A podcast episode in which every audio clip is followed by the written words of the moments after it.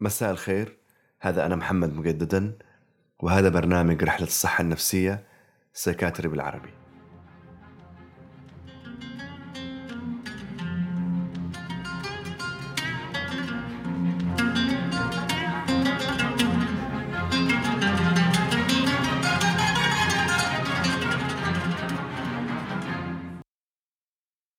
موضوع حلقة اليوم هو موضوع صعب. وعلي شخصيا كمان آه، صعب. يمكن لأني ذكرت قصتي في أول حلقة من هذا البودكاست. آه، الصحة النفسية رحلة الصحة النفسية سايكايتري بالعربي. واليوم استميحكم العذر آه، بكون أقول المصطلحات بالعربي وبالإنجليزي لأنه في مستمعين عرب وموجودين في في أوروبا أو في أمريكا وأحيانا المصطلحات العربية مش دائما آه، واضحة بالنسبة لهم. موضوع هذه الحلقة هو الجزء الأول من حلقة الاكتئاب. وزي ما قلت الاكتئاب له قصة شخصية معي وكان شيء غير آه، كثير في حياتي. أنا متأكد إنه معظم الناس اللي يستمعوني الآن حصل عندهم اكتئاب في حياتهم أو على الأقل أصيبوا بأعراض اكتئابية في مرحلة ما. الاكتئاب وال اللي هو ال depression والقلق والتوتر اللي هو ال stress من أكثر المشاكل النفسية المنتشرة في العالم. إحنا الأيام هذه نعيش في المدن وصخب المدينة وسرعة الحياة في المدينة والتزاماتها وضغوطها أصبحت أكبر من إنه نتحمل. فأصبح في أسباب كثيرة للضغوط أو عوامل كثيرة للضغوط يلي يسموها بالإنجليزي ستريسورز ومن منا ما عندوش هذه الأشياء. ولهذا يمكن من أهم المواضيع اللي, اللي الإنسان لازم يعرف عنها ولو الشيء اليسير. آه، أو الشيء اللازم عشان يقدر يكمل حياته هو موضوع الاكتئاب. حلقة اليوم بس بكلمكم من القلب للقلب عن الاكتئاب. نحاول نفهم إيش هذا الموضوع. وفي الحلقة الثانية إن شاء الله الأسبوع الجاي آه، بتكلم حول كيف تتعامل معه. زي ما قلت لك أو قلت لكم أصدقائي الانتشار الواسع للاكتئاب يجعله واحد من أكثر أنا دائما يعني أحاول أتجنب حكاية الأرقام كأرقام بس الأرقام مخيفة.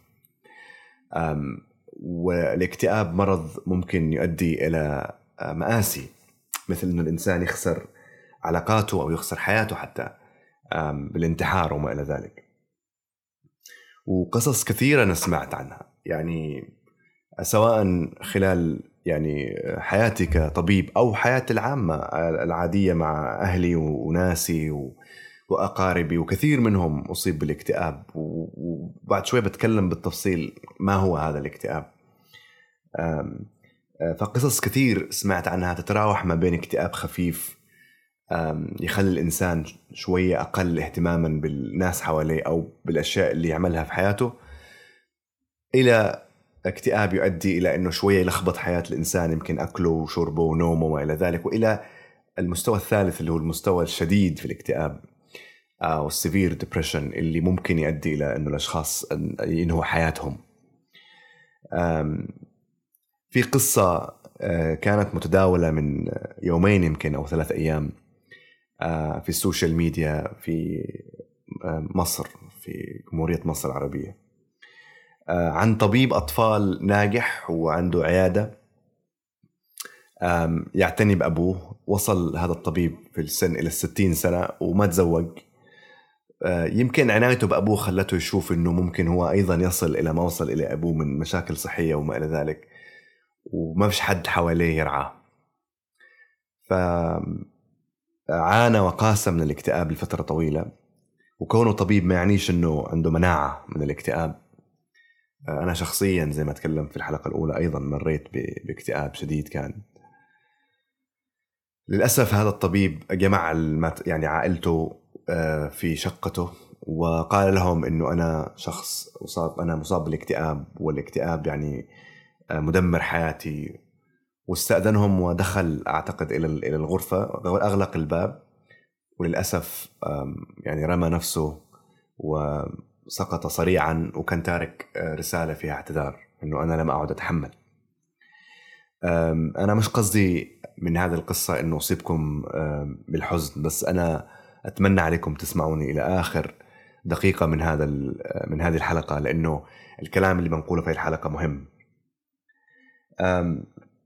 حبيت اليوم أبدأ بالقصة لأنه الموضوع محتاج موضوع الاكتئاب محتاج إنه أعطيكم قصة عشان أعطيكم إلى أي مستوى ممكن يصل آه، الاكتئاب بالإنسان. آه، مهما كان هذا الإنسان حياته تعتبر بين قوسين ناجحة أو يعني مثمرة. مثل هذا الطبيب. ففي الجزء الثاني من هذه الحلقة بتكلم عن الاكتئاب. بحاول إنه أعطيكم صورة عشان نفهم ما هو هذا ما هو الاكتئاب و وإيش يقاسي الشخص اللي يعيش منه. أو يعيش عفوا اللي يعيش فيه يعني.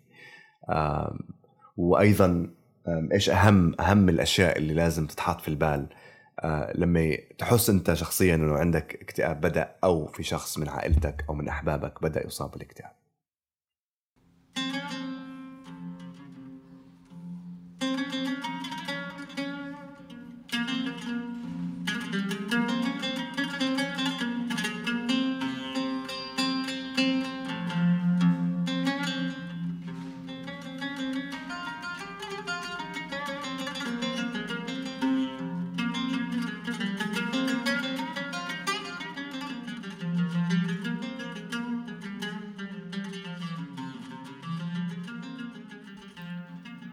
اسمحوا لي أبدأ بالأساطير زي ما نعمل إحنا في كل حلقة. نتكلم عن الأف... الأفهام الخاطئة والأساطير لأنه أنا أعتقد آه، إنه المعاناة من المرض النفسي أو من الاضطراب النفسي هي في أغلب الأوقات تكون بسبب هذين الشيئين اللي هو عدم فهم ما يجري مع الإنسان فهو مش عارف هو إيش يحصل معاه وبالتالي يصل إلى استنتاجات ممكن تكون مدمرة.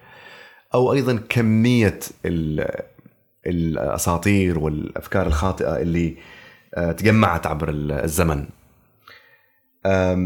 الشخص المكتئب في نظرة المجتمع هو شخص حزين أو شخص ما عندوش رضا بالحياة.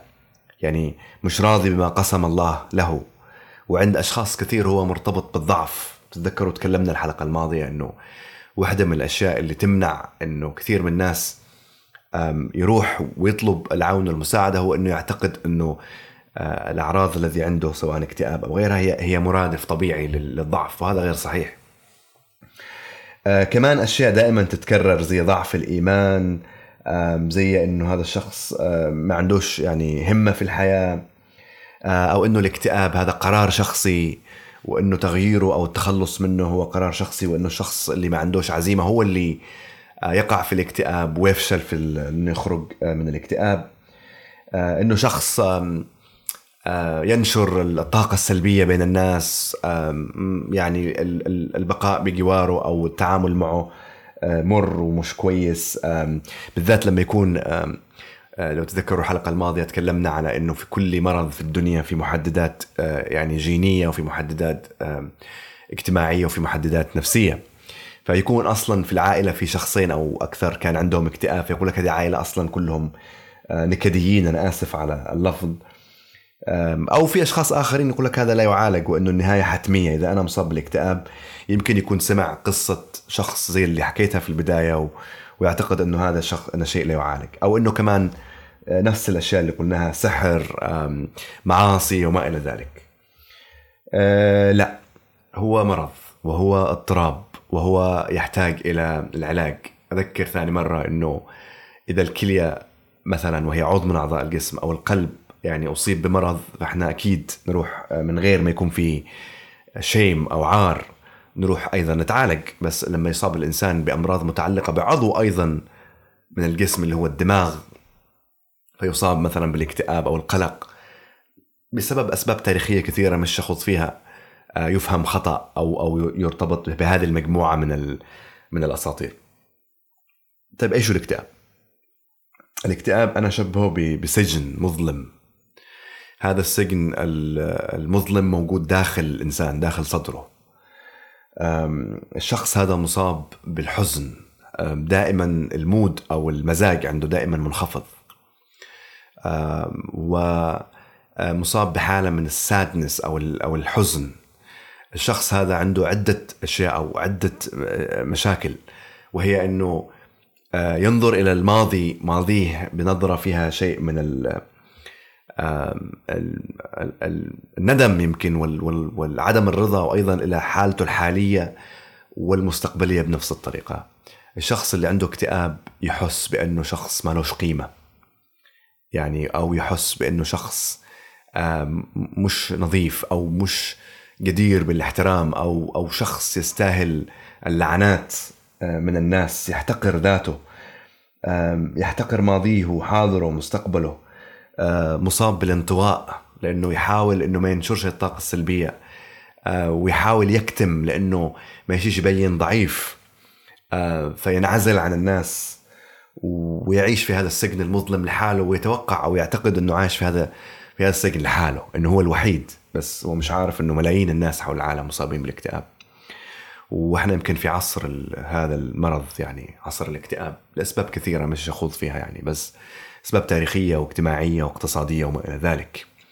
أوقات الاكتئاب آه، زي ما قلنا يكون له أسباب واضحة يعني شخص مر بظروف صعبة أو ضغوط الحياة أو ما إلى ذلك فتأخذه إلى الاكتئاب إذا كان هو نفسيا واجتماعيا وجينيا مهيئ إلى ذلك. شو أذكركم إنه الاكتئاب من الأمراض العصابية اللي قلنا في الحلقة الماضية لما آه، صنفنا الأمراض الاكتئابية أو الأمراض النفسية. آه، عصابية يعني بالإنجليزي neurotic disorders وهذه الاضطرابات الشخص يكون متصل بالواقع موجود معنا لكن آه، هو في هذا السجن المظلم وحتى كان يعني في في بعض المراجع يذكر بأنه الشخص اللي عنده اكتئاب الحالة اللي تكون في عنده في عقله إنه هو شخص يفكر تفكير منطقي ولهذا يقال الاكتئاب معدي لأنه إذا في شخص حزين يحكي لك مآسي العالم أكيد أنت بتصاب بالحزن ف فهو يتكلم كلام منطقي هو موجود معنا ومتصل بالواقع لكن مشكلته إنه ينظر إلى جانب واحد من الحقيقة دائما وهو الجانب هذا الظلامي اللي هو جزء من من الحياة وجزء من العالم. الدماغ الحديث عن الدماغ والنواقل العصبية إحنا تكلمنا أيضا من قبل وقلنا إنه إنه إنه إنه الجسد والنفسية هو شيء واحد وبالتالي هذا اللي يفسر إنه أدوية معينة تغير آه، مثلا مستويات نواقل عصبية مواد كيميائية في الدماغ فيتحسن الإنسان لأنه هذا حقيقة والشيئين مرتبطان ببعض الاكتئاب مرتبط بمادة اسمها سيروتونين في الدماغ والسيروتونين أشبه بمنبه و ووجد وجد إنه لما تكون مستويات السيروتونين مش مضبوطة في الدماغ الإنسان فعلا يصاب بالاكتئاب. اذا هذا السجن المظلم اللي حسك إنه أنت دخلت نفق آه، لا يمكن الخروج منه. هو مكان كئيب وحزين والشخص المصاب بالاكتئاب هو جدير بأن إحنا آه، بدل ما نلومه وبدل ما نتهمه بالضعف وبدل ما نتهمه بقلة الإيمان أو أو المعاصي جدير بأن إحنا نسحبه من الاكتئاب. آه، وجدير إن إحنا نكون معاه وجدير إن إحنا نفهم الاعراض أشي أذكر بس إنه في الحلقة الماضية قلنا في فرق بين العرض والمرض وقلنا إنه العرض هو شيء كلنا يصاب بالحزن وكلنا يصاب بالقلق آه، بظروف طبيعية ولاوقات متقطعة لأن هذه جزء من المشاعر الإنسانية. لكن لما يستمر الأعراض بشكل متواصل سواء بوجود آه، أسباب أو عوامل آه، يعني واضحة أو لا أكثر على الأقل من أسبوعين أو أو من شهر أو من ستة أشهر. وهنا أنت تتحدث حول تشخيص المرض ولما تكون موجودة كل هذه الأعراض أو أغلبها يعني. إنه دائما المزاج نازل المود نازل دائما في حزن في حالة من احتقار للذات احتقار للماضي للمستقبل للحاضر. الإحساس بالعزلة بالسجن المظلم ما فيش طاقة ما فيش تركيز حتى إنه كثير من الاشخاص المكتئبين يعتقد إنه عنده مشكلة في الذاكرة. يقول لك أنا ما أقدرش أتذكر أشياء بسيطة. هو في الحقيقة ما عندوش مشكلة في الذاكرة هو بس لأنه تركيزه مشتت في الأحزان التي عنده فمش قادر يركز. والاكتئاب ثلاث مستويات ولهذا دائما دائما دائما أقول وفي الحلقة الماضية قلنا ضروري جدا إنك آه، تعرف متى بالضبط أنت لازم تطلب العون. ما تتأخرش لأنه ينتقل من مايلد آه، أو بسيط اللي هو في هذه الحالة موجودة بس الشخص موجود يعني في عمله في أسرته آه، ممكن كمان لا يزال يستمتع بالأشياء الحلوة في الحياة مثل مثل الهوايات وغيره وينام ويأكل وما إلى ذلك. متوسط وهنا يبدأ يتأثر يبدأ مثلا يكنسل كثير من اللقاءات الاجتماعية ما عاد يستمتعش كثير في الأشياء اللي كان يحبها. أنا آسف أتكلم بسرعة بس أحاول أعطي أكثر يعني معلومات كثيرة في وقت ضيق. ولهذا إحنا الاكتئاب حلقتين. آه، فالمتوسط زي ما قلنا المستوى المتوسط يعني middle ما بين ال mild أو وال severe ال mild اللي هو الخفيف وال severe اللي هو الشديد.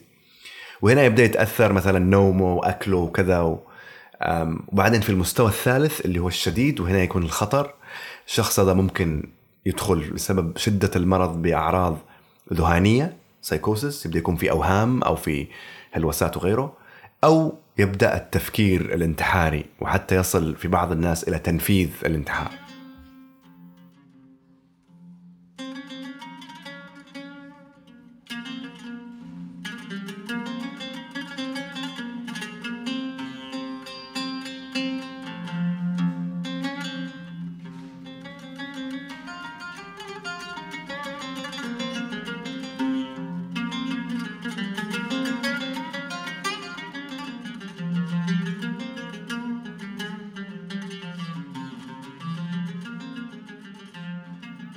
الجزء الثالث والأخير من هذه الحلقة آه، اللي زي ما قلت هي بس آه، حبيت بس أعطي فكرة عن الاكتئاب بطريقة مبسطة ومن غير ما ندخل في مصطلحات ولا أرقام وهو دائما أذكر هذا هذا البودكاست هو كلام من القلب إلى القلب. هذا الجزء الأخير أوجهه رسالة لكل شخص يستمعني الآن وأنا أولكم لأنه أنا أصبت بالإكتئاب. آه، كل شخص إنسان أو إنسان أصيب بالاكتئاب آه، اشتي أقول لك إنه اللي وصفته ذاك السجن المظلم هو مش مظلم زي ما أنت تتخيل أو هو مش مغلق. هو يمكن يكون سجن بس من بس الباب مش مغلق بالمفتاح. في أمل دائما في ضوء في آخر النفق ومن تجربة شخصية ومن خلال معرفتي البسيطة طبعا في الموضوع ومن خلال معايشتي لكثير قصص الأغلبية الساحقة من الناس آه، تشفى من الاكتئاب أو تتحسن بسرعة. الاكتئاب منتشر وعلاجه موجود بس لازم نطلب العون. فأنا في هذا الجزء إيش يقول إنه هذا الباب باب السجن هو من غير مفتاح. والمفتاح موجود آه، في الشخص نفسه وموجود في الناس حواليه وموجود عند الطبيب وعند المجتمع. وهذه التفاصيل آه، خصصت لها الحلقة الثانية عشان أدخل فيها في التفصيل بالتفصيل. لأنه الاكتئاب مش مش شيء بسيط. هي تجربة صعبة على الناس وفي ناس ممكن يمضي فترة طويلة من حياته مصاب بالاكتئاب. آه، ومش عارف إنه آه، في سبب أو في أسباب للشفاء. وإذا في أي خلاصة أنا حابب إنه نخرج منها في هذه الحلقة هي إنه قبل ما نتكلم في تفاصيل هذه الأمور بقول إنه في شيئين اثنين. الأول اطرد كل الستيريوتايبس أو الأفكار الخاطئة والاساطير مرتبطه بالاكتئاب ارميها. كلها غلط. أنت كتاب له ضعف وله معاصي وله أنت شخص نكد ولا ما إلى ذلك. هو اضطراب يحتاج إلى علاج. هذه الفكرة الأولى. والفكرة الثانية إنه كون مستعد لطلب العون. بحاول في الحلقة القادمة إنه أتكلم بشكل عام أنت وين تلاقي هذا العون وكيف. بس قررت إنه في هذه الحلقة بس أترككم مع هاي الرسالة. تتأملوا فيها بحيث إنه الحلقة القادمة تكون تكملة للي قلناه اليوم. أنا ما عادش أطول أكثر من كذا. اشتي أشكركم دائما وابدا على كل الفيدباك اللي تجيبوه وكل الملاحظات وكل اللي يرسلوا لي قصصهم. واشتي أذكر أيضا إنه أنا آه، في هذا البودكاست بستضيف ناس يتكلموا في مواضيع مختلفة. آه، في حلقة الاكتئاب القادمة احتمال يكون معنا شخص. بس كمان آه، أطلب منكم تستخدموا الإيميل الموجود في الوصف وترسلوا لي قصصكم. إذا في شخص حابب يشاركنا قصته أكيد من غير اسم ومن غير تفاصيل آه، ويا ريت بالصوت وأنا ممكن أغير الصوت. ومن غير أي تفاصيل تكشف من هو هذا الشخص عشان تكون جزء من الحلقة القادمة. آه، بكون جدا شاكر لكم. إلى ذلك الحين أقول لكم مساء الخير أو صباح الخير أينما كنتم وسامحوني أطولت اليوم عليكم وشكرا لكم وإلى اللقاء الحلقة القادمة. thank you